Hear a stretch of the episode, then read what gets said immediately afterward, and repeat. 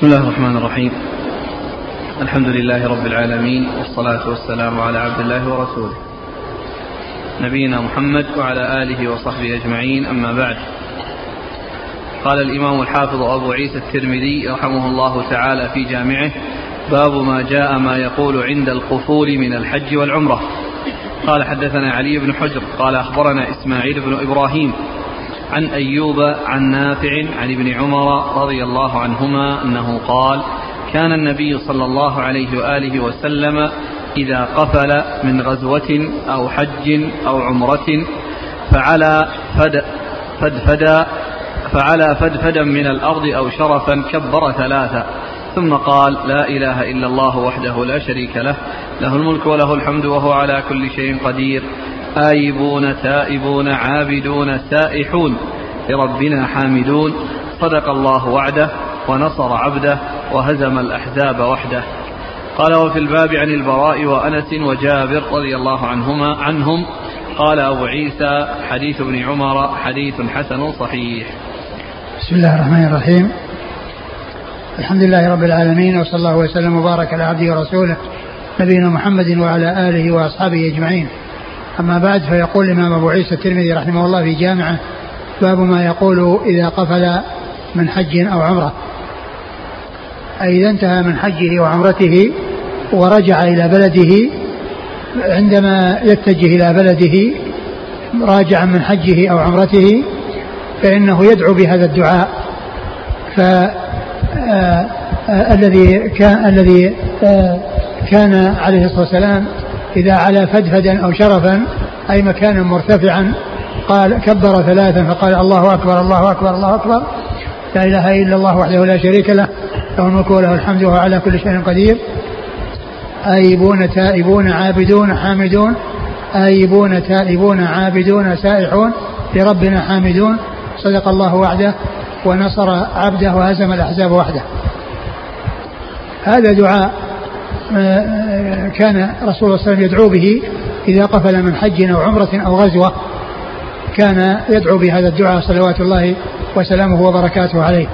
يكبر ثلاثا ثم يأتي ب آه، آه، يعني هذا الذكر العظيم لا إله إلا الله وحده لا شريك له له الملك وله الحمد وهو على كل شيء قدير. ثم يقول آيبون وآيبون يعني معنى راجعون فهم راجعون. في سفرهم وقادمون إلى بلدانهم بعد أن ذهبوا وأنهوا المهمة التي ذهبوا من أجلها فهم آيبون والإياب هو الرجوع. كما قال الله عز وجل إن إلينا إيابهم ثم إن علينا حسابهم. وتائبون تائبون من الذنوب والمعاصي. ومعنى ذلك أنهم رجعوا بتوبة وأقلعوا من الذنوب والمعاصي. وأنهم تائبون لله عز وجل من كل ذنب آه، عابدون لله عز وجل يخصونه بالعبادة ويفردونها بالعبادة ولا يجعلون مع الله ولا يجعلون معه في آه، ولا يجعلون له في عبادته شريكا. سائحون أي أنهم سائرون إلى يعني آه، ما ينفعهم وإلى ما يعود عليهم بالخير.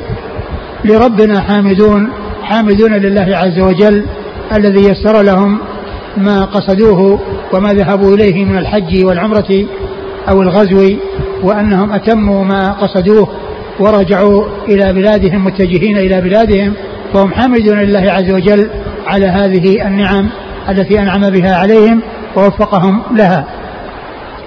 صدق الله وعده صدق الله وعده يعني ما وعد به آه، نبيه وأولياءه صدق الله وعده ونصر عبده و آه، العبد الذي نصره الله هو رسول الله صلى الله عليه وسلم الذي آه،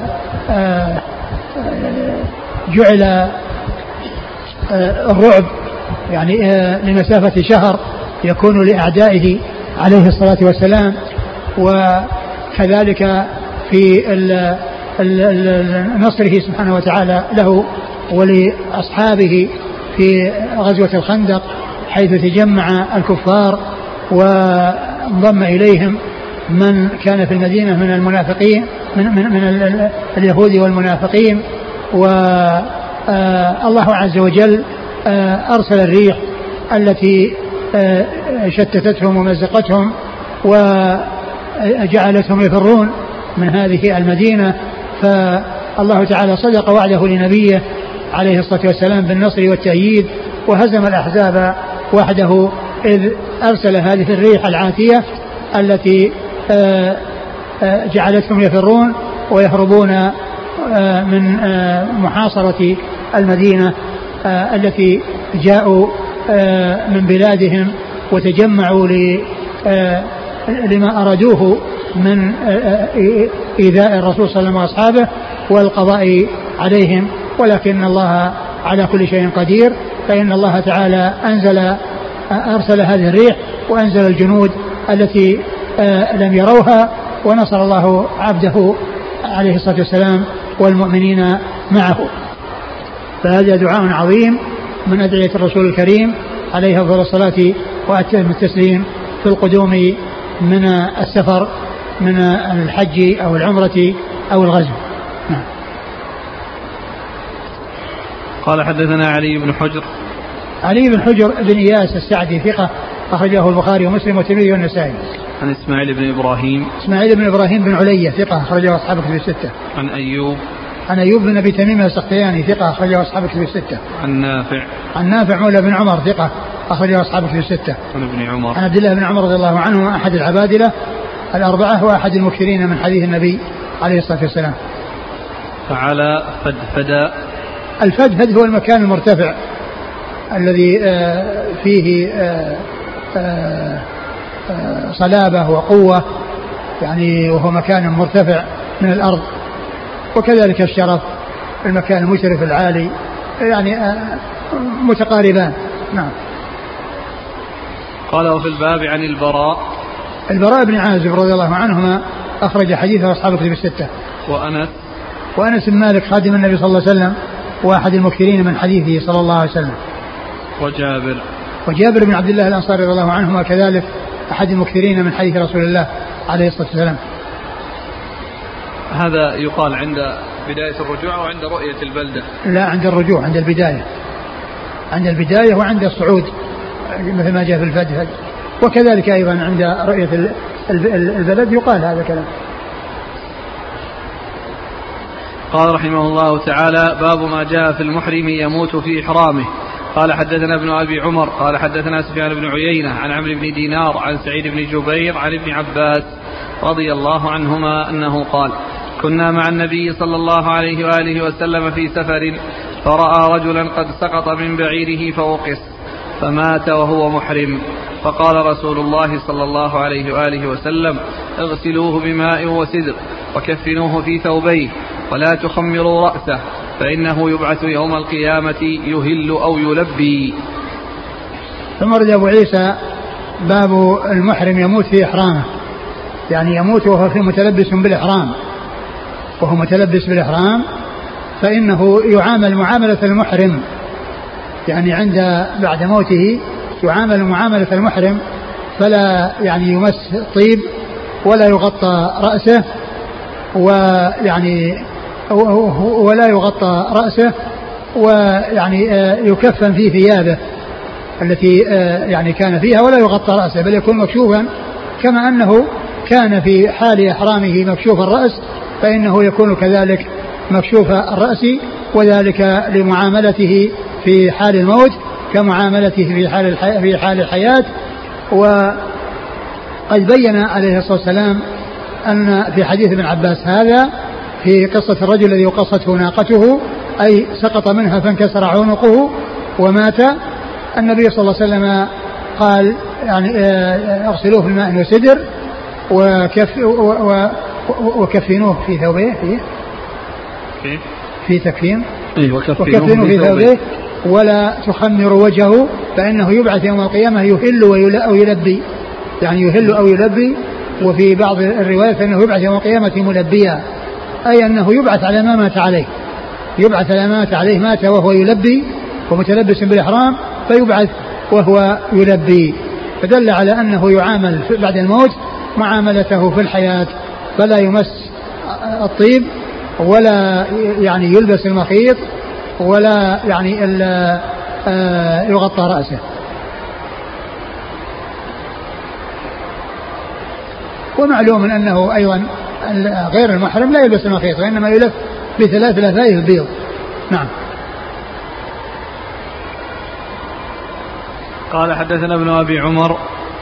ابن أبي عمر المكي العدني المكي ثقة أخرج له مسلم والترمذي والنسائي بن ماجه. صدوق. صدوق أخرج له مسلم والترمذي والنسائي بن ماجه. عن سفيان بن عيينة. سفيان بن عيينة المكي ثقة أخرجه أصحاب كتب الستة. عن عمرو بن دينار. عمرو بن دينار المكي ثقة أخرجه أصحاب كتب الستة. عن سعيد بن جبير. عن سعيد بن جبير وهو ثقة أخرجه أصحاب كتب الستة. عن ابن عباس. عن ابن عباس عبد الله بن عباس ابن عبد المطلب ابن عم النبي صلى الله عليه وسلم وأحد العبادله الأربعة من أصحابه واحد السبعه المكثرين من حديث النبي صلى الله عليه وسلم. وهذا آه، سعيد بن جبير آه، شوف إيش بلده هو مكة ولا ولا المدينة؟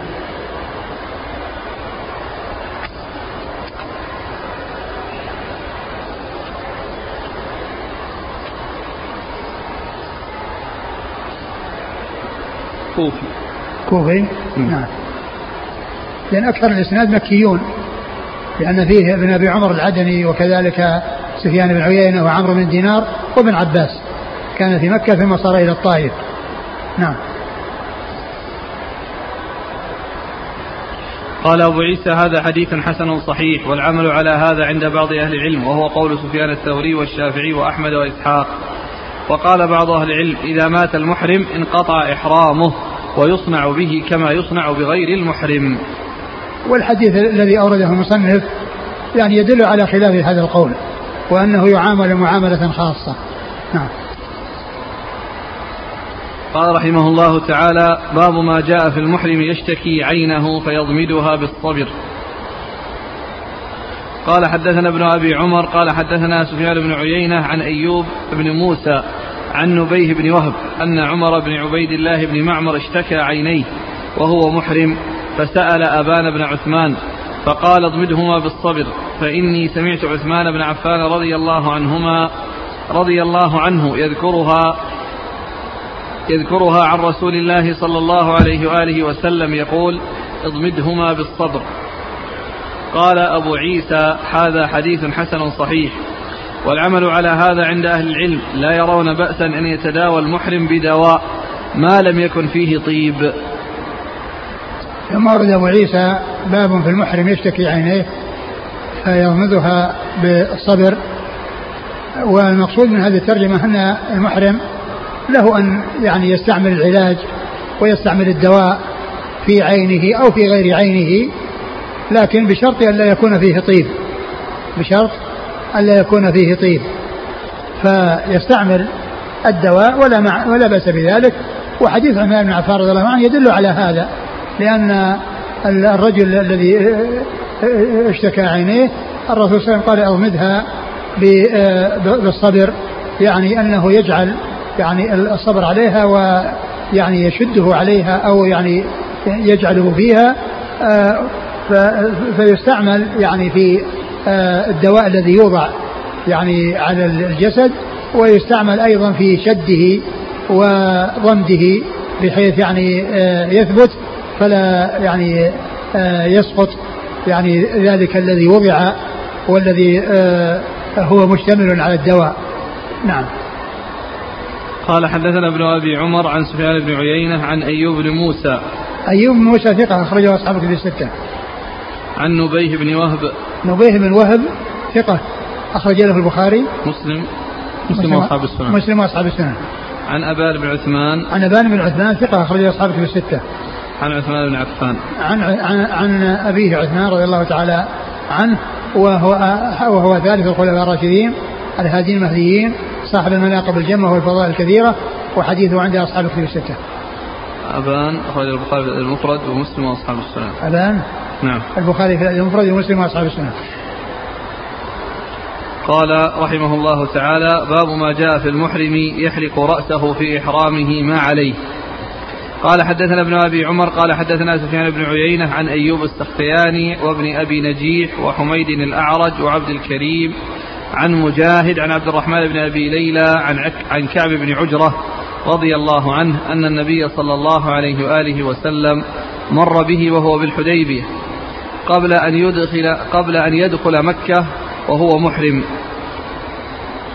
وهو يوقد تحت قدر والقمل يتهافت على وجهه. فقال أتؤذيك هوامك هذه؟ فقال نعم. فقال احلق وأطعم فرقا بين ستة مساكين والفرق ثلاثة آصع أو صم ثلاثة أيام أو انسك نسيكه قال ابن أبي نجيح أو اذبح شاه. قال أبو عيسى هذا حديث حسن صحيح والعمل عليه عند بعض أهل العلم من أصحاب النبي صلى الله عليه وآله وسلم وغيرهم أن المحرم إذا حلق رأسه أو لبس من الثياب ما لا ينبغي له أن يلبس. ما لا ينبغي له أن يلبس في إحرامه أو تطيب فعليه الكفارة بمثل ما روي عن النبي صلى الله عليه وآله وسلم. ثم ورد أبو عيسى باب المحرم يحلق رأسه ما عليه.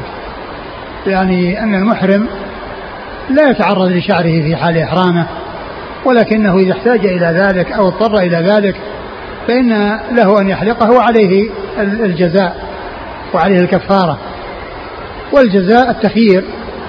بين ثلاثة أشياء ذبح شاة أو إطعام ستة مساكين لكل مسكين نصف صاع أو صيام ثلاثة أيام. مخير بين هذه الأمور الثلاثة. والدليل على ذلك الحديث الذي أورده المصنف عن كعب بن عجر رضي الله عنه أن النبي صلى الله عليه وسلم رآه وهو يوقد تحت قدر والقمر يتهافت على وجهه يتناثر من رأسه فقال عليه الصلاة والسلام أيؤذيك هوام رأسك؟ قال نعم. قال احلق, احلق رأسك. وأطعم ستة مساكين و أو صم ثلاثة أيام أو اذبح ذبيحة أو امسك نسيكة وفي لفظ اذبح ذبيحة. فدل هذا على أن من استعمل أو أتى بشيء في الإحرام لا يجوز له مثل كونه يحتاج إلى أن يغطي رأسه أو يعني يلبس قميص أو يلبس سراويل أو يحلق رأسه يعني فإنه يأتي بالكفارة إذا فعل هذا الشيء الذي رخص له في فعله والكفارة في ذلك هي على التخيير في الأمور الثلاثة التي هي ذبح شاة أو إطعام ستة مساكين أو صيام ثلاث أيام. نعم. قال حدثنا ابن أبي عمر عن سفيان بن عيينة عن أيوب السختياني وابن أبي نجيح. ابن أبي نجيح هو عبد الله بن أبي نجيح ثقة. أخرج له. أصحاب الكتب. أصحاب الكتب الستة. وحميد الأعرج. وحميد الأعرج حميد حميد الأعرج هو؟ ليس به بأس أخرج أصحاب الكتب. ليس به بأس أخرجه أصحاب الكتب الستة. وعبد الكريم. وعبد الكريم هو الجزري؟ نعم عبد الكريم بن مالك الجزري ثقة. أخرج له. أصحاب الكتب. أصحاب الكتب الستة. عن مجاهد. عن مجاهد بن جابر المكي ثقة أخرجه أصحاب الكتب الستة. عن عبد الرحمن بن أبي ليلى. عن عبد الرحمن بن أبي ليلى ثقة أخرجه أصحاب الكتب الستة. عن كعب بن عجرة. عن كعب بن عجرة رضي الله تعالى عنه أخرج له أصحاب الكتب الستة.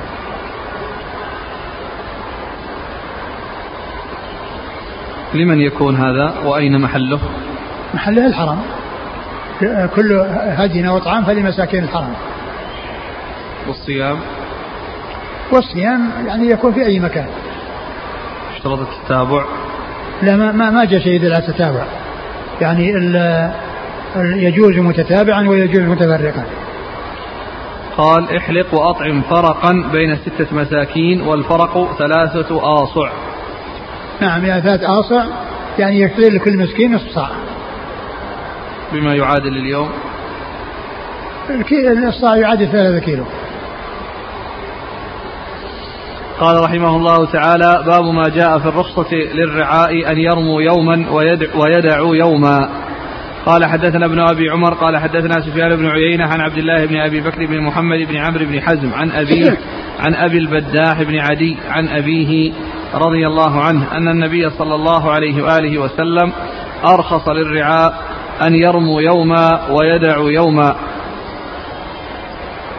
قال أبو عيسى هكذا روى ابن عيينة وروى مالك بن أنس عن عبد الله بن أبي بكر عن أبيه عن أبي البداح بن عاص بن عدي عن أبيه.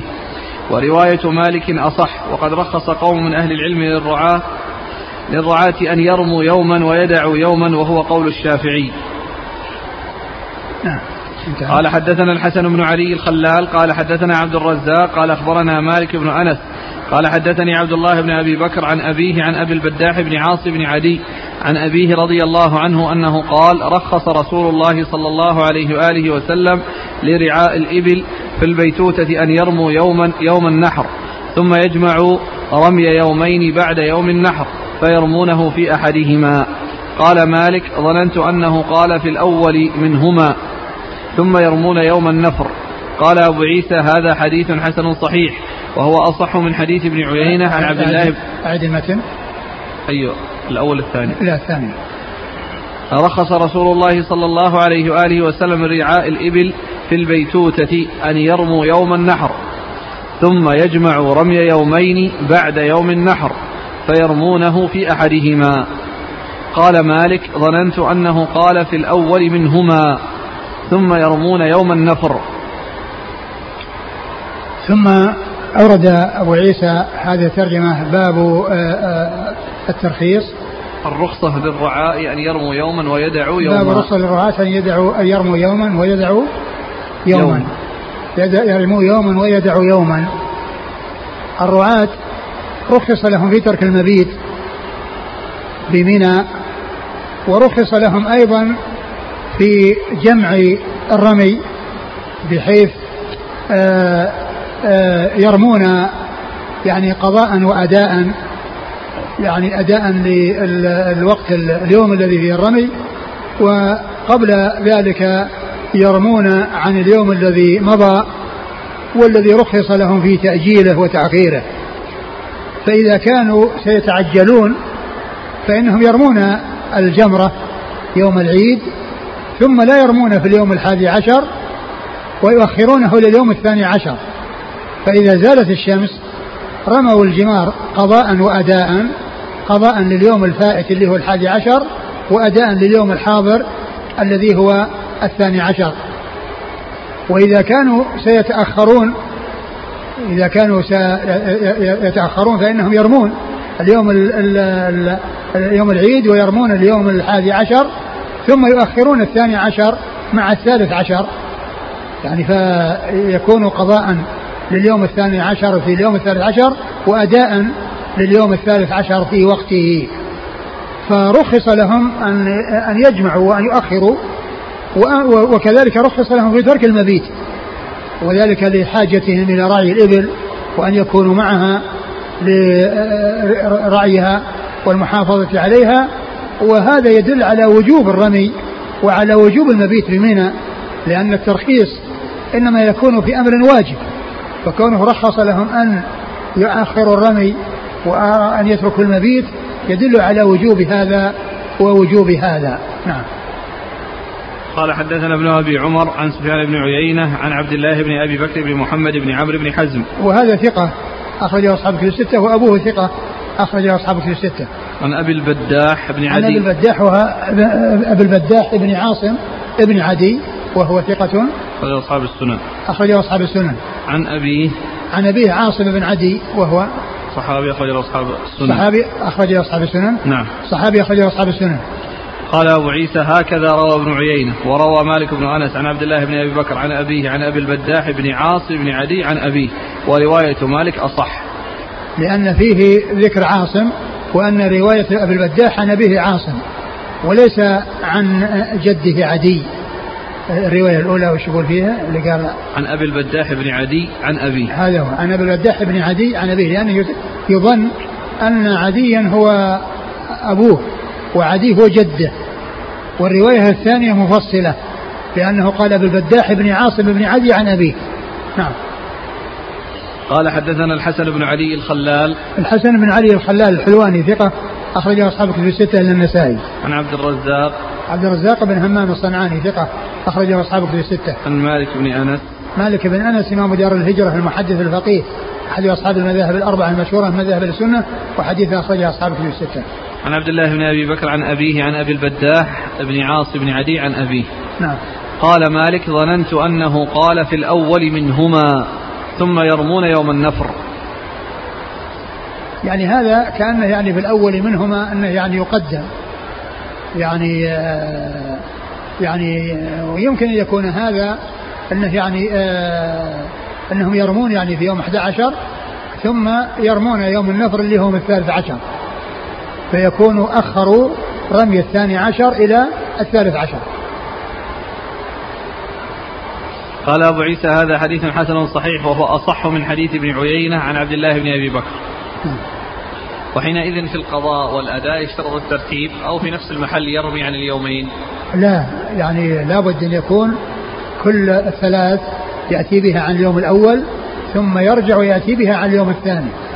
لا يقف في مكان واحد يرمي الأولى عن اليوم وأمس ثم الوسطى عن اليوم وأمس ثم العقبة عن اليوم وأمس وإنما يأتي برمي الأول مرتبا ثم يعود ويأتي برمي الثاني مرتبا.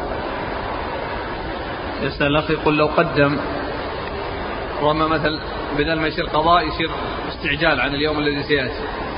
يرمي في الحادي عشر وفي الثاني عشر عن اليوم الثالث عشر. لأن هو المقصود هم كونهم يتأخرون وما دام في تأخر فإن كونه يعني آه، يعني يأتي به في الآخر يعني بحيث يعني يكون قضاء وأداء لأن يعني لأن هذا يعتبر آه، ما يعتبر أداء يعتبر تقديما عنه في غير وقته. لكنه إذا أخره فإنه يكون قضاء وأداء. في وقت الحاضر هل يشمل هذا الحكم من كان في خدمة نعم الحجاج؟ هذا الحكم يشمل يشمل يعني مثل الأطباء وكذلك الجنود الذين يعني يحتاج إليهم في خدمة الحجاج في أماكن متعددة. يمكن.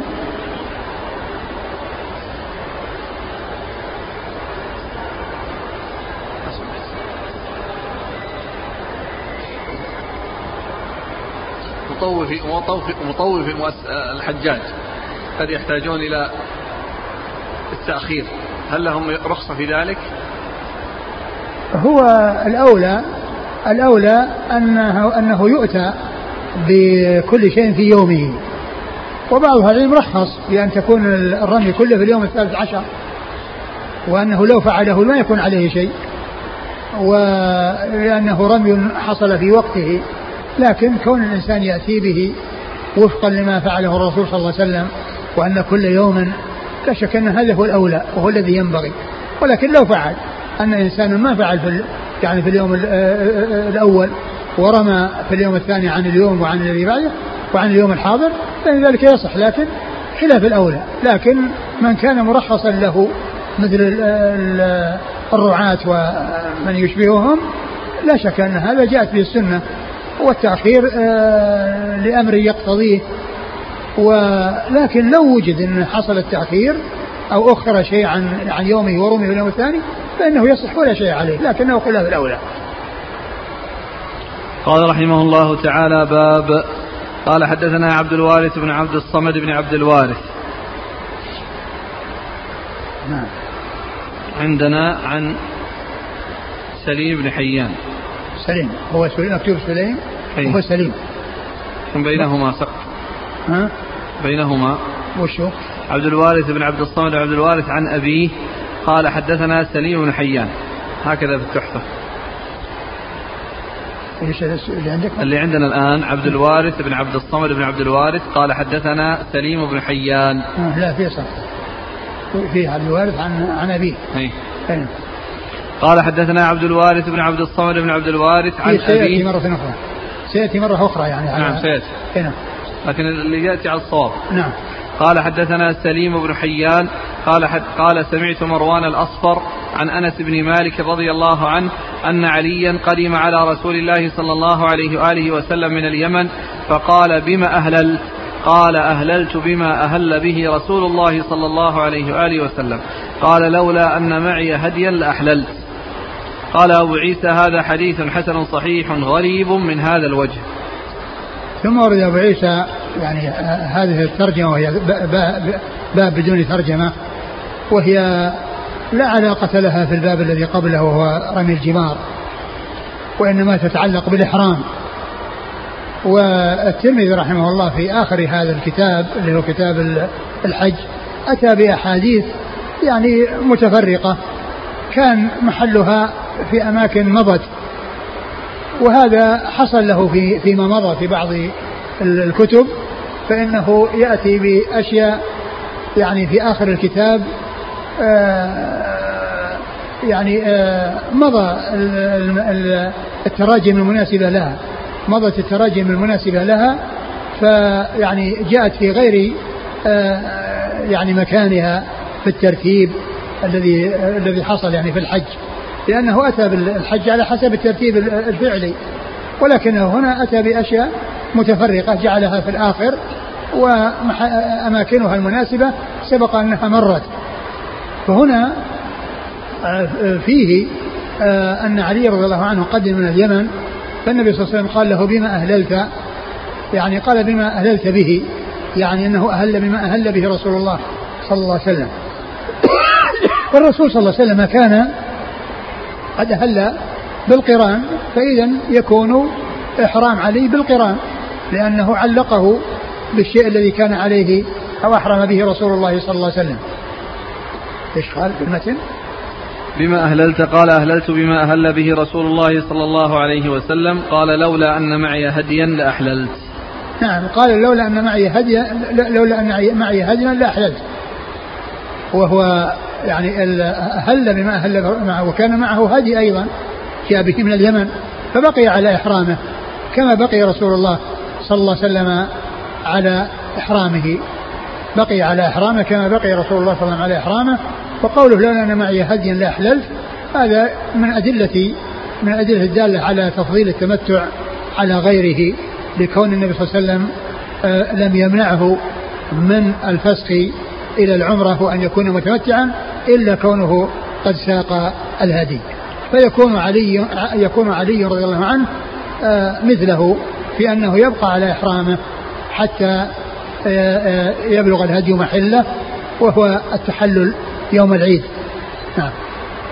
قال حدثنا عبد الوارث بن عبد الصمد بن عبد الوارث. عبد الوارث بن عبد الصمد بن عبد الوارث هو صدوق أخرجه مسلم والترمذي والنسائي بن ماجه. صدوق أخرجه مسلم والترمذي والنسائي بن ماجه. عن أبي عبد أبو عبد الصمد ثقة أخرجه أصحاب الكتب الستة. صدوق أخرجه أصحاب الكتب الستة. عن سليم بن حيان. سليم بن حيان ثقة أخرجه أصحاب الكتب الستة. وسليم بفتح السين. وكل الذين في الكتب الستة بضمها سليم إلا هذا الرجل الواحد فإنه بفتح السين.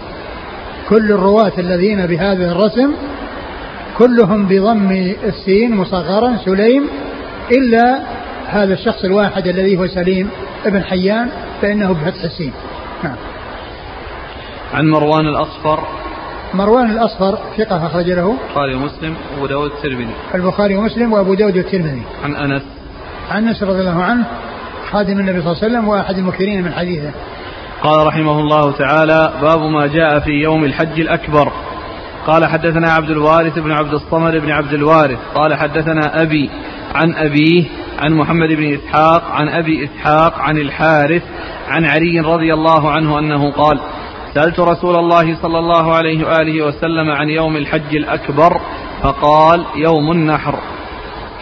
ثم ورد أبو عيسى باب باب في يوم النحر. أي في تعيينه وتسميته. والمقصود به يوم يوم النحر يوم يوم آه، آه، آه، يوم العيد. هذا هو يوم الحج الأكبر. وقيل له يوم الحج الأكبر لأن لأن يجتمع فيه كثير من أعمال الحج لأن فيه الرمي وفيه الحلق وفيه النحر وفيه الطواف. فهذه الأمور الأربعة هي في, في, في ذلك اليوم. فيقال له يوم الحج الأكبر لأنه يقع فيه كثير من أعمال الحج. ويوم عرفة آه، آه، النبي صلى الله عليه وسلم قال له الحج قال فيها الحج عرفة. الحج عرفة يعني أن فيه الركن الأعظم الذي إذا فات فات به الحج. ولكن آه، يوم النحر لأنه اجتمع فيه عدد من أعمال الحج وفيها طواف الإفاضة والسعي بين الصفا والمروة. اللذين اللذان هما ركنان من أركان الحج. والحديث آه، متنه صحيح وإسناده ضعيف. لأن لأن فيه الإسناد ضعيف ولكن تعيينه بأن يوم النحر هو يوم الحج الأكبر ثبت في صحيح البخاري وغيره عن النبي صلى الله عليه وسلم أن يوم النحر هو يوم الحج الأكبر. فالمتن صحيح والإسناد ضعيف. نعم. قال حدثنا عبد الوارث بن عبد الصمد بن عبد الوارث عن أبيه عن أبيه أبوه يعني جده يعني عن جده عبد الوارث بن سعيد العنبري ثقة أخرجه أصحاب كتب الستة. عن محمد بن إسحاق. محمد بن إسحاق المدني صدوق أخرجه البخاري تعليقا ومسلم وأصحاب السنن. عن أبي إسحاق. أبي إسحاق السبيعي عمرو بن عبد الله بن الهمداني السبيعي ثقة أخرجه أصحاب كتب الستة. عن الحارث. عن الحارث الأعور الحارث بن عبد الله الأعور وهو في حديثه ضعف. في حديثه ضعف. نعم. أصحاب السنن. أخرجه أصحاب السنن. عن علي. عن علي رضي الله عنه أمير المؤمنين ورابع الخلفاء الراشدين الهادي المهديين صاحب المناقب الجمة والفضائل الكثيرة وحديثه عند أصحاب الكتب الستة. قال حدثنا ابن أبي عمر قال حدثنا سفيان بن عيينة عن أبي إسحاق عن الحارث عن علي رضي الله عنه أنه قال يوم الحج الأكبر يوم النحر قال أبو عيسى ولم يرفعه وهذا أصح من الحديث الأول نعم. ورواية ابن عيينة موقوفا. أصح من رواية محمد بن إسحاق مرفوعا. هكذا روى غير واحد من الحفاظ عن أبي إسحاق عن الحارث عن علي موقوفا. آه، الحديث صحيح. آه، لأنه جاء من عن غير علي وهو موجود في صحيح البخاري وغيره. وهذا الحديث آه، يعني هو مماثل أو شاهد لما ثبت والتعويل عليه في مفرده ليس التعويل عليه وإنما التعويل على غيره لكنه موافق لغيره مما صح وثبت عن رسول الله صلى الله عليه وسلم. وقد روى شعبة عن أبي إسحاق عن عبد الله بن مرة عن الحارث عن علي موقوفا. شعبة ابن الحجاج الواسطي ثقة أخرجه أصحابه في الستة. عن, عن أبي إسحاق عن عبد الله بن مرة.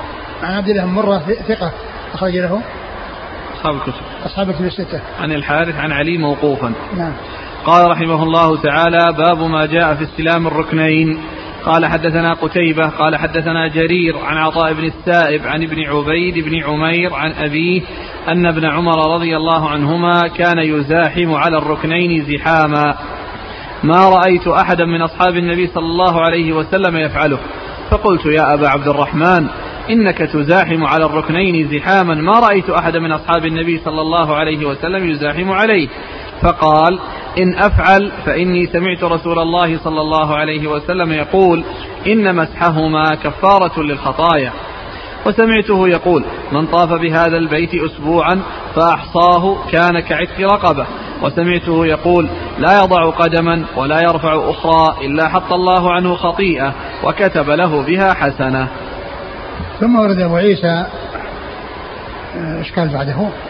قال أبو عيسى وروى حماد بن زيد عن عطاء بن السائب عن ابن عبيد بن عمير عن ابن عمر نحوه ولم يذكر فيه عن أبيه قال أبو عيسى هذا حديث حسن والإسناد الأول وشو؟ قال حدثنا قتيبة عن جرير عن عطاء بن السائب عن ابن عبيد بن عمير عن أبيه أن ابن عمر آه آه أورد بعد ذلك أبو عيسى هل ترجم باب استلام الركنين؟ وقد سبق أن مر يعني ذكر ما يتعلق باستلام الركن ويعني وكان مناسبا يكون هذا متقدم هناك يعني مع ترتيب أعمال الحج وذكر الطواف هناك. وأورد أبو عيسى حديث ابن عمر أنه قيل له أنك تزاحم على على الحجر يعني آه لم يكن أحد من أصحاب الرسول صلى الله عليه وسلم يفعل مثلك. فقال إن أفعل فإن الرسول صلى الله عليه وسلم قال كذا وكذا يعني في فضل استلام الركنين وأنهما يحطان الخطايا. وابن عمر رضي الله عنه يزاحم المزاحمة التي لا يؤذي بها أحد. يزاحم المزاحمة التي لا يؤذي بها أحدا نعم. قال حدثنا قتيبة.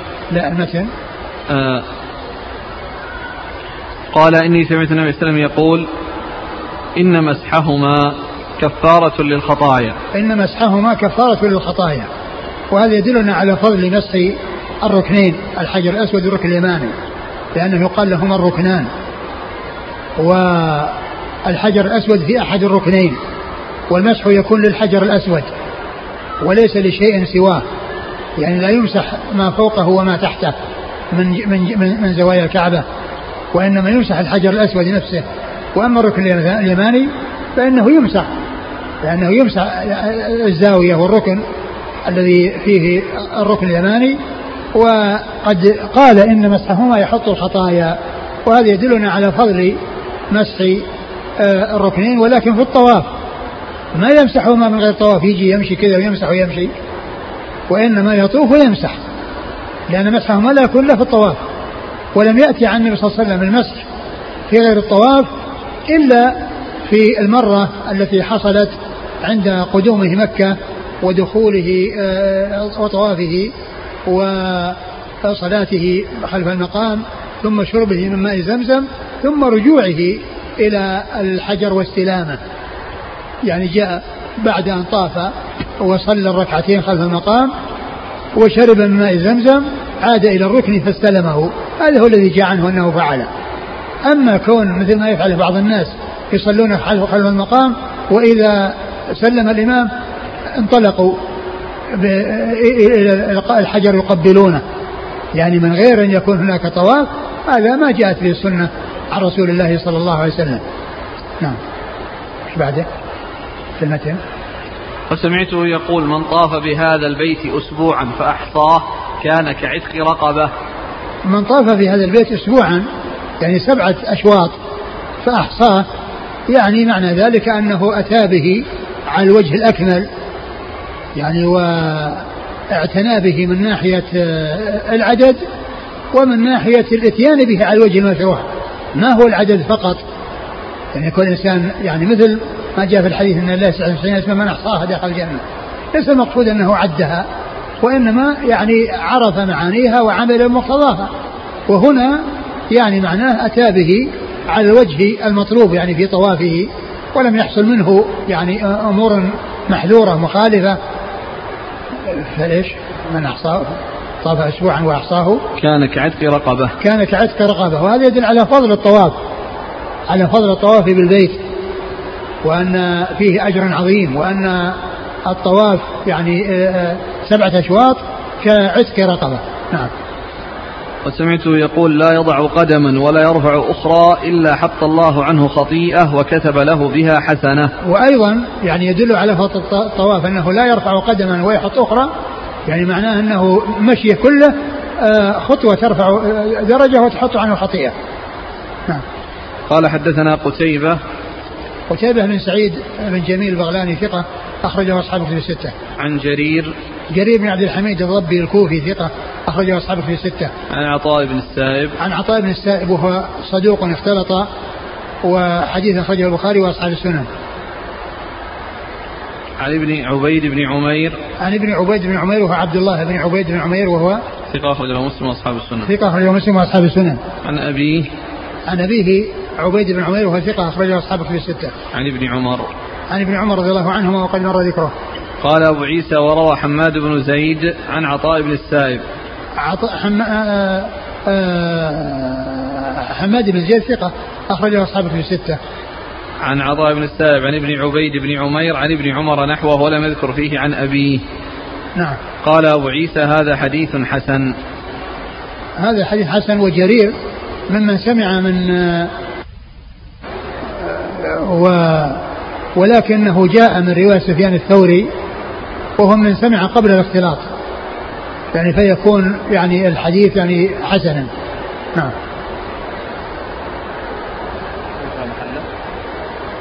رواية سفيان تذكرون مكانها يا شيخ؟ ها؟ رواية سفيان أيوه تذكرون محلها؟ موجودة في الشرح أنا ذكرها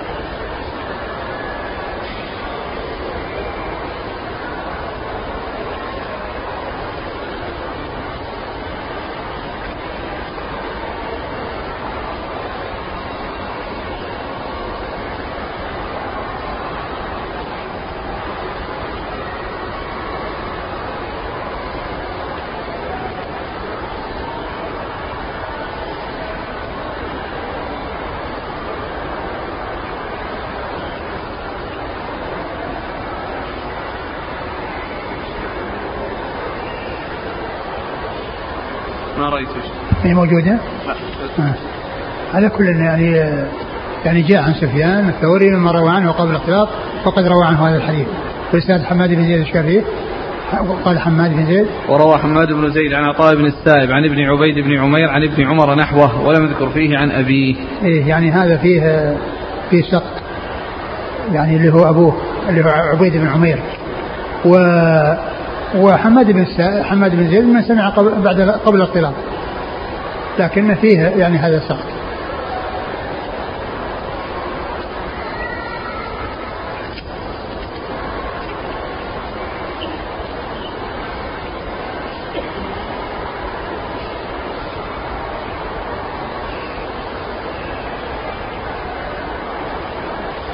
قال رحمه الله تعالى باب ما جاء في الكلام في الطواف.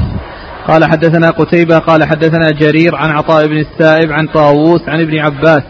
رضي الله عنهما أن النبي صلى الله عليه وآله وسلم قال الطواف حول البيت مثل الصلاة إلا أنكم تتكلمون فيه فمن تكلم فيه فلا يتكلمن إلا بخير.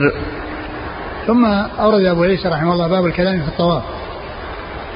والمقصود من هذه الترجمة أن الطواف آه، يجوز فيه الكلام لكن لا ينبغي أن يكون الكلام فيه إلا فيما هو خير. ما يكون يعني في أمور دنيوية وانشغال بالقيل والقال وما إلى ذلك وإنما يكون في أمور فيها خير.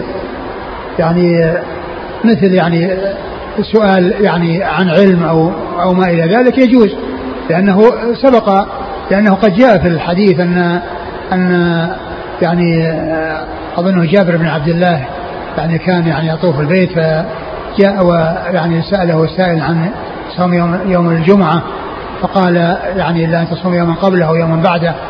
فيعني الكلام في أمور فيها خير سائر. ولا يكون آه هذا الترخيص في الكلام في الطواف بحيث يعني يستعمل في أمور لا تنبغي.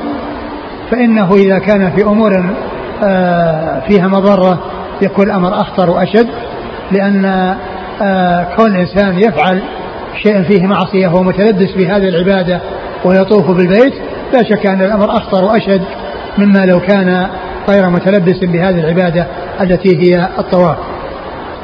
ثم أورد المصنف في, في هذا الحديث آه، حديث عن ابن عباس. حديث ابن عباس أن النبي صلى الله عليه وسلم قال الطواف بالبيت صلاة مثل الصلاة. يعني مثل الصلاة يعني يحتاج فيه إلى الطهارة ويحتاج فيه إلى السكينة والوقار إلا أنه آه، لا يلزم, لا يلزم فيه السكوت مثل الصلاة ولا يلزم فيه الاستقبال مثل الصلاة ولا يلزم فيه الاستقبال مثل الصلاة. نعم. قال حدثنا قتيبة عن جرير عن عطاء بن السائب عن طاووس. طاووس بن كيسان ثقة أخرجه أصحاب في الستة. عن ابن عباس. نعم. قال أبو عيسى وقد روي هذا الحديث عن ابن طاووس وغيره عن طاووس. ابن طاووس عبد الله بن طاووس ثقة أخرجه أصحاب في الستة. عن طاووس عن ابن عباس موقوفا. نعم. ولا نعرفه مرفوعا إلا من حديث عطاء بن السائب. نعم. والعمل على هذا عند أكثر أهل العلم. يستحبون أن لا يتكلم الرجل في الطواف إلا لحاجة أو بذكر الله تعالى أو من العلم. نعم. هذا الآن جرير عن عطاء. نعم. جرير آه، عن عطاء. إيش ذاك الحديث اللي قبله وش اللي فيه؟ جرير عن عطاء. في ها؟ لا في الذي مضى. جرير عن عطاء. آه. وتابعه حماد بن زيد لكن بحذف عن أبيه. آه. طيب وبعده؟ بعدين جاء هذا الحديث. جرير عن عطاء. هذا الشارح ذكر أنه تابعه سفيان. هذا هو؟ أي يعني هذا في الطواف في, في الكلام. نعم. وذاك في؟ ذاك في فضل المسح الركني آه نعم إذا هذا إذا هو هذا. إذا متابعة جرير المتابعة لسفيان متابعة سفيان التي فيها رواية قبل اختلاط هو في هذا. ليس في ذاك. إذا وش اللي يقوي ذاك الحديث؟ نعم. ما الذي يقويه؟ ما أذكر لكن الحديث صححه الشيخ ناصر. ما أتذكر يعني وش يعني نعم. ثم هنا يعني في هذا الحديث مثل مثل الصلاة يقول إن رواية سفيان والحق أنه من رواية سفيان موقوف ووهم عليه من رفعه. إيه؟ وقد بسط الحافظ الكلام ها هنا من شاء الوقوف عليه فليرجع إلى التلخيص. إيه نعم. موقوف. إنما إنما الطواف مثل الصلاة نعم. إلا أنكم تتكلمون فيه. نعم.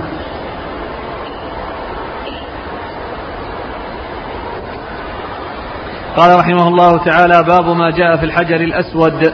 قال حدثنا قتيبة عن جرير عن ابن خثيم عن سعيد بن جبير عن ابن عباس رضي الله عنهما أنه قال قال رسول الله صلى الله عليه وآله وسلم في الحجر والله ليبعثنه الله يوم القيامة. له عينان يبصر بهما ولسان ينطق به يشهد على من استلمه بحق. قال أبو عيسى هذا حديث حسن. ثم أبو عيسى باب في الحجر. وهذه الترجمة أورد تحتها حديث في فضل الحجر وفي فضل مسحه.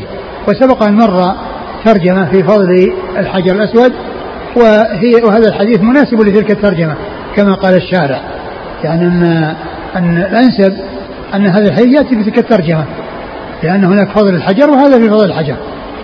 وهذا كما كما قلت إن الترمذي رحمه الله يذكر في آخر الباب يعني أحاديث يعني كذا متفرقة يعني بعضها قد مضى مظنته وقد مضى مكانه الذي يكون أولى بإيراده فيه. وقد أورد فيه هذا الحديث عن ابن عباس أن النبي صلى الله عليه وسلم قال ان والله ان الله إن الله والله ليبعثنه الله يوم القيامة. له عينان يبصر بهما ولسان ينطق به يشهد على من استلمه بحق. والله ليبعثن الله هذا الحجر يوم القيامة. له عينان ولسان ينطق به يشهد على من استلمه بحق. يعني من استلمه وقد فعل يعني ذلك على الوجه المشروع وعلى ما ينبغي فإنه يشهد له يوم القيامة بأنه بأنه استلمه. وهذا فيه بيان قدرة الله عز وجل على كل شيء وأنه ينطق الجماد ويتكلم ويظهر منه الكلام. وهذا آه، كما هو معلوم حصل في الدنيا. فإن الله فإن الرسول الكريم صلى الله عليه وسلم كان بمكة وكان هناك حجر إذا مر به إذا مر به النبي صلى الله عليه وسلم سلم عليه وقال السلام عليك يا محمد. نعم. قال حدثنا لكن لا يلزم أن يكون الكلام لا يكون إلا بلسان وشفتين وإنما يكون بالكيفية التي آه، جعلها الله تعالى فيه. آه، يصدر منه الكلام وإن لم يكن بالهيئة التي مطابقة لما يعني مش لما هو مشاهد عند الناس كما قال الله عز وجل عن الجلود التي تنطق يوم القيامة على أصحابها أنطقنا الله الذي أنطق كل شيء. نعم. قال حدثنا قتيبة عن جرير عن ابن خثيم. ابن خثيم هو عبد الرحمن. عبد الله بن عثمان. عبد الله بن عثمان وهو صدوق صدوق خرج البخاري تعليقا ومسلم وأصحاب السنة. صدوق خرج البخاري تعليقا ومسلم وأصحاب السنة. عن سعيد بن جبير عن ابن عباس. نعم. قال رحمه الله باب حدثنا هناد. قال حدثنا وكيع عن حماد بن سلمة عن فرقد السبخي. عن سعيد بن جبير عن ابن عمر رضي الله عنهما أن النبي صلى الله عليه وآله وسلم كان يدهن بالزيت وهو محرم غير المقتت. ثم ورد أبو عيسى هذه الترجمة باب يعني بدون ترجمة. وأورد فيه حديث ابن عمر أن النبي صلى الله عليه وسلم كان يدهن بالزيت غير غير غير, غير المقتت. غير المقتت. غير المقتت يعني قيل غير المطيب. غير المطيب. ومعلوم أن المحرم لا يستعمل الشيء الذي فيه طيب كما سبق أن مر في الضماد وأنه يعني يستعمل الدواء من غير أن يكون فيه طيب. فكذلك يعني هنا استعمل الزيت غير المقتت أي غير المطيب. ولكن استعمال الزيت يعني للتزين وللدهان هذا ينافي ما ما هو مطلوب من الحاج أن يكون أشعث أغبر وألا يترفه وأن يبتعد عن الترفه. فالأولى الإنسان لا يستعمل الزيت يعني في التجمل وفي آه، يعني آه، يعني ترجيل الشعر. يعني الأولى الإنسان لا يفعل ذلك. وأما الشيء الذي فيه طيب هذا لا يجوز استعماله في أي حال من الأحوال لأن المحرم ممنوع من استعمال الطيب. نعم. والحديث في إسناده فرقد السبخي وهو يعني آه، آه، كثير الخطأ نعم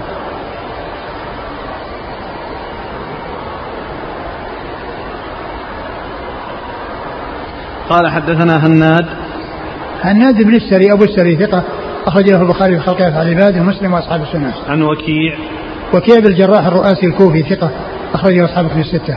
عن حماد بن سلمة. حماد بن سلمة ثقة أخرجه البخاري تعليقا ومسلم وأصحاب السنة.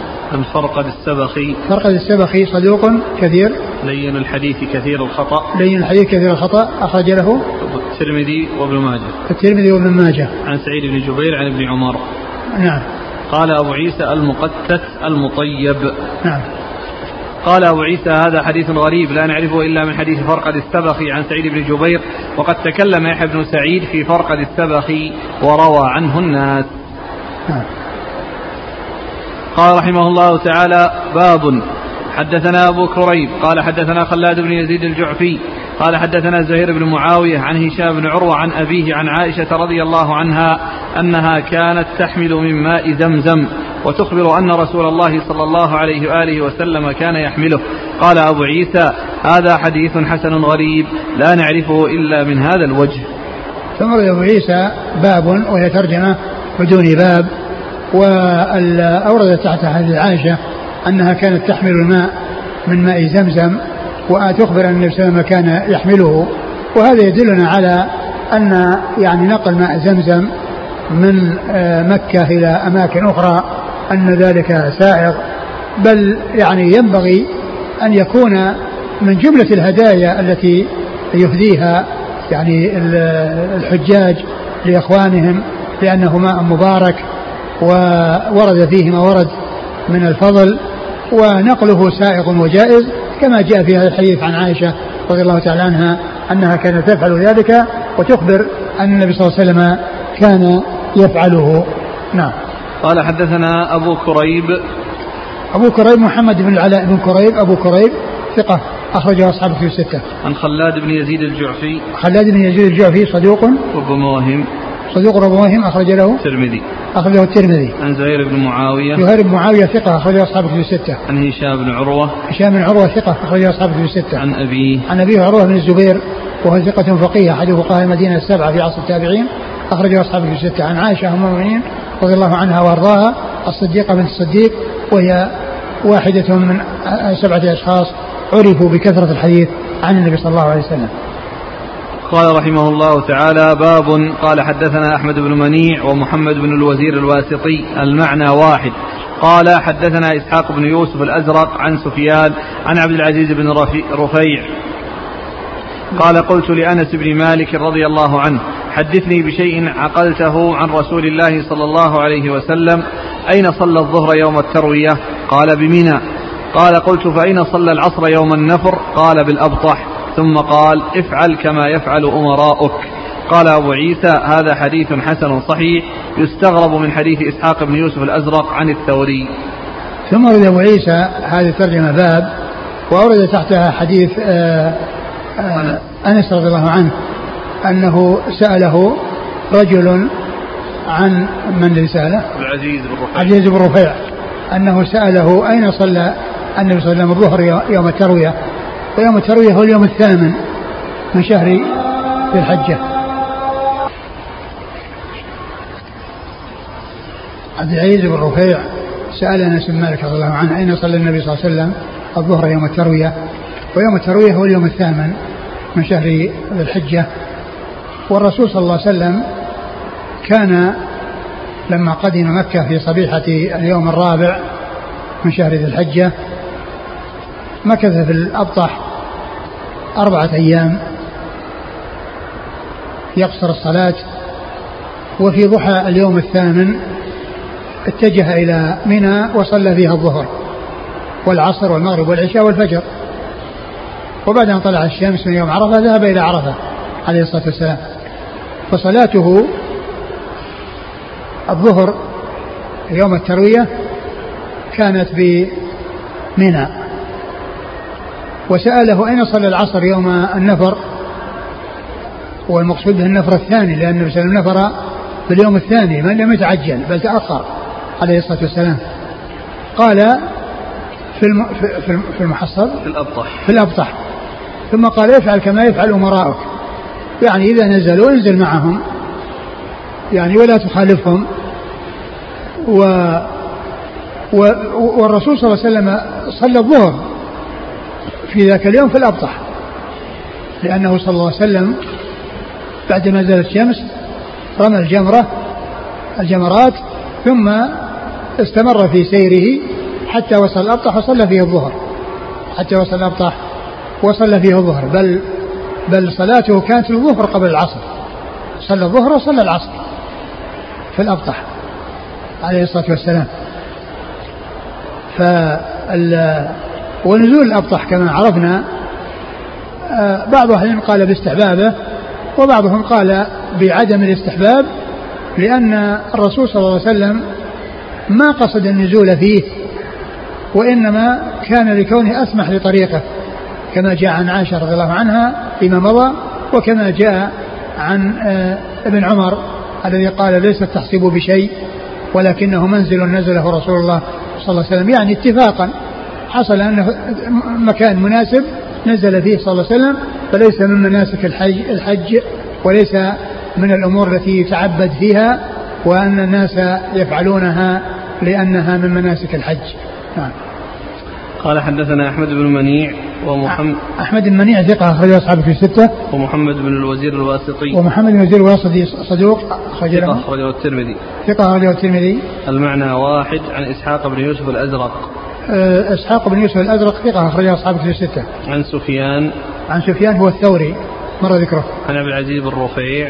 عن أبي العزيز بن رفيع ثقة أخرجه أصحابه في الستة. عن أنس بن مالك. عن بن مالك رضي الله عنه وقد مر ذكره. قال أبو عيسى هذا حديث حسن يستغرب من حديث إسحاق بن يوسف الأزرق عن الثوري. نعم. آخر كتاب المناسك. والله تعالى أعلم وصلى الله وسلم وبارك على نبينا ورسول نبينا محمد وعلى آله وأصحابه أجمعين. جزاكم الله خيرا. وبارك الله فيكم ونفعنا الله بما قلتم وغفر الله لنا ولكم وللمسلمين أجمعين.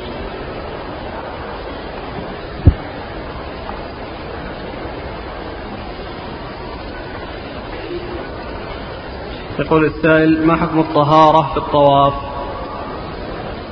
لازمة كالصلاة وآخر يقول هل يوجد لهذا دليل غير ما ذكر عن ابن عباس أن الطواف مثل الصلاة؟ نعم آه، افعلي ما يفعل الحاج غير على تطوف البيت حتى تطهري. افعلي ما يفعل الحاج غير أن لا تطوفي بالبيت حتى تطهري. هل يجوز الحج والعمرة عن المعاق إعاقة جسدية وعقلية وهو وهو بالغ؟ إذا كان أنه غير عاقل وأنه ليس يعني آه، آه، مجنون وعقله ليس معه فإنه لا يحج عنه. أما إذا كان عقله معه ولكنه آه، غير قادر بجسده لكونه لا يستطيع الركوب ولا يستطيع السفر فقد سبق أن مر أن الحي يحج عنه في حالتين اثنتين أن يكون كبيرا أو هرما لا يستطيع الركوب أو يكون مريضا مرضا لا يرجى برؤه أو يكون مريضا مرضا لا يرجى برؤه فهؤلاء يحج عنهم وهم أحياء وغيرهم وغير هذين الصنفين لا يحج عنه ما الحكمة في تكبيره عليه الصلاة والسلام في حال ارتقائه للمكان العالي ما إيش؟ الحكمة إيش السؤال؟ ما الحكمة من تكبيره صلى الله عليه وسلم إذا ارتقى المكان العالي؟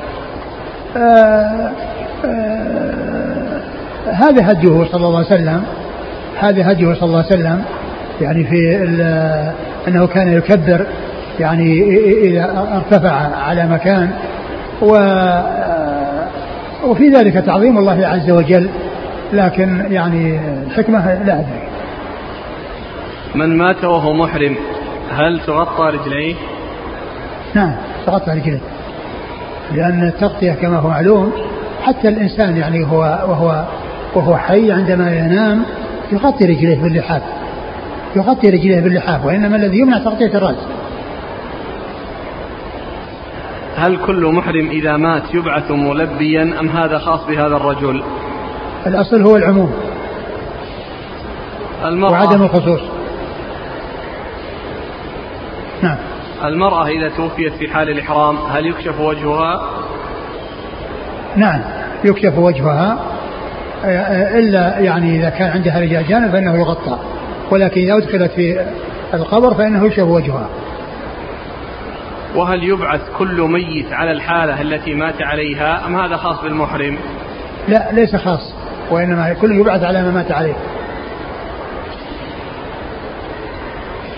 يقول آه ماذا ترى عن رجل طاف بالبيت بعض شوطه في ساحة الكعبة والبعض في الدور الثاني ثم ارتفع إلى الدور الثالث؟ هل يصح طوافه؟ يصح طوافه إذا كان أنه ما حصل أنها يعني آه آه قصر يعني في شوط من الأشواط يعني من ناحية المسافة. ف يعني كونه يعني ينتقل يعني يطوف شوط ثم ينتقل مثلا من المطاف إلى الأروقة يعني التي بجواره أو يصعد كل ذلك سائر لا بأس المهم أن يوجد الدوران حول الكعبة. من وقع في محذورين مثل أن يلبس سراويل ويغطي رأسه هل عليه كفارة أم كفارة؟ كل, كل واحد له كفارة. يعني تغطية الرأس مستقلة عليها كفارة ولبس المخيط عليه كفارة. ما حكم الدعاء عند مقام إبراهيم بعد ركعتي الطواف؟ ما نعلم من شيء يعني يمنعه ولا شيء يثبته. والإنسان له أن يدعو إذا صلى ركعتين له أن يدعو. صلى الله إليك. أثر عائشة رضي الله عنها الذي تحدثنا عنه بالأمس. بقائها إلى المحرم ثم خروجها إلى الجحفة. يقول الأخ أثر عائشة أخرجه مالك في الموطأ في كتاب الحج. قال مالك حدثنا علقمة بن أبي علقمة عن أمه أن عائشة رضي الله عنها الحديث. والحديث فيه أم علقمة وهي مرجانة وثقها العجلي والذهبي. وقال الحافظ مقبولة. وجاء في لفظ الحديث أنها كانت تخرج إلى الجحفة قبل هلال محرم حتى إذا دخل محرم أهلت من الجحفة بعمرة. قال الزرقاني والحكمة في ذلك أن تجمع بين الحج في أشهره والعمرة في أشهر الحل. في في أشهر؟ هكذا في أشهر الحل. الحل نعم. المحرم من الأشهر الحرم. يعني من أشهر الحج لأنه قال العمرة. نعم نعم, نعم. ها؟ يعني نعم ليست من أشهر الحج ولكنها من أشهر الحرم اللي هو المحرم.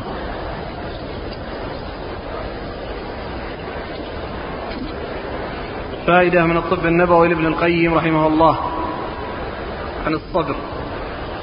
قال عنه كثير المنافع لا سيما ها؟ صبر؟ اي نعم. قال عنه كثير المنافع لا سيما الهندي منه.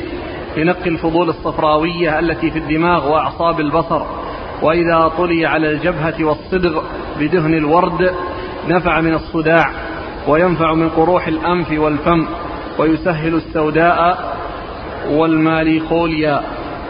قال المحقق اسم جنس تحته أنواع كثيرة تجمعها فساد الدماغ والعقل والصبر الفارسي يذكي العقل.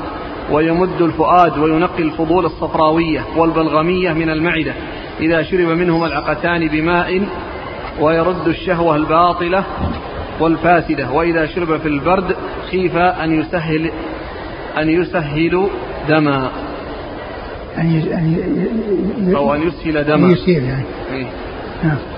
في في الدرس الماضي أو قبل الماضي الذي فيه عمرو بن علي اللي قلنا الفلاس أو عمرو بن علي المقدمي. نعم. يعني في آه، يروي عن محمد بن عبد الأعلى الصنعاني. الذي آه، ذكرتم أن صاحب تحفة الأشراف ذكر أنه عبد عمر بن علي المقدمي. وأنا قلت أن محمد بن علي الصنعاني روى عنه كما في تهذيب الكمال. وبالرجوع إلى آه، عمرو بن علي وكونه يروي هل روى عن آه، الحجاج آه، بن عطاه وجدت أنه ليس في شيوخه. وعلى هذا فيكون هو المقدمي. جزاكم الله خير. بارك